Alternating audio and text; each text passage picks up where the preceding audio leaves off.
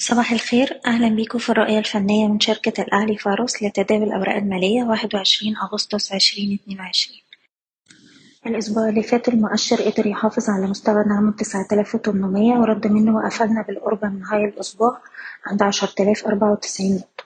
وبالتالي طول ما إحنا محافظين على مستوى التسعة آلاف وتمنمية ده بيزود فرص إن إحنا نشوف استمرار لمحاولات الارتداد. وهيبقى عندنا منطقة مقاومة مهمة ما بين عشرة مية خمسة وسبعين والعشرة آلاف وتلتمية. وده اختبار مهم للقوة الشرائية.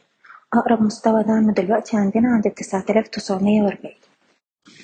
وبالنسبة للسي آي بي عندنا دلوقتي مقاومة مهمة عند التسعة وتلاتين جنيه. محتاجين نخترق المستوى ده عشان نستهدف الواحد وأربعين. وغير كده بنحتفظ طول ما السهم محافظ على مستوى السبعة وتلاتين وربع. سهم أبو قير بيستهدف مستوى الخمسة وعشرين تسعين. أقرب دعم دلوقتي عند الأربعة وعشرين عشرة. وبنحتفظ بالسهم طول ما إحنا محافظين على التلاتة وعشرين ونص.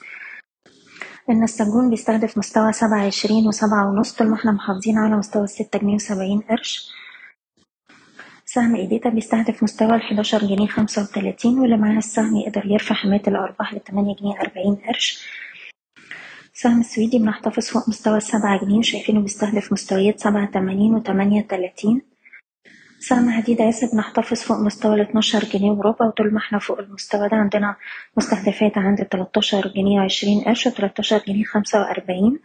سهم جدوى بنحتفظ فوق مستوى الخمسة وستين قرش وطول ما إحنا فوق المستوى ده بنستهدف خمسة وسبعين قرش. أخيرا سبيد ميديكال الناس اللي معاها السهم تقدر تحتفظ فوق مستوى الواحد وخمسين قرش. ومن هنا ممكن يشوف ارتداد لغاية مستويات الستة وخمسين والستين قرش. أشكركم بتمنى لكم التوفيق. إيضاح الشركة غير مسؤولة عن أي قرارات استثمارية يتم اتخاذها بناء على هذا التسجيل. شكرا.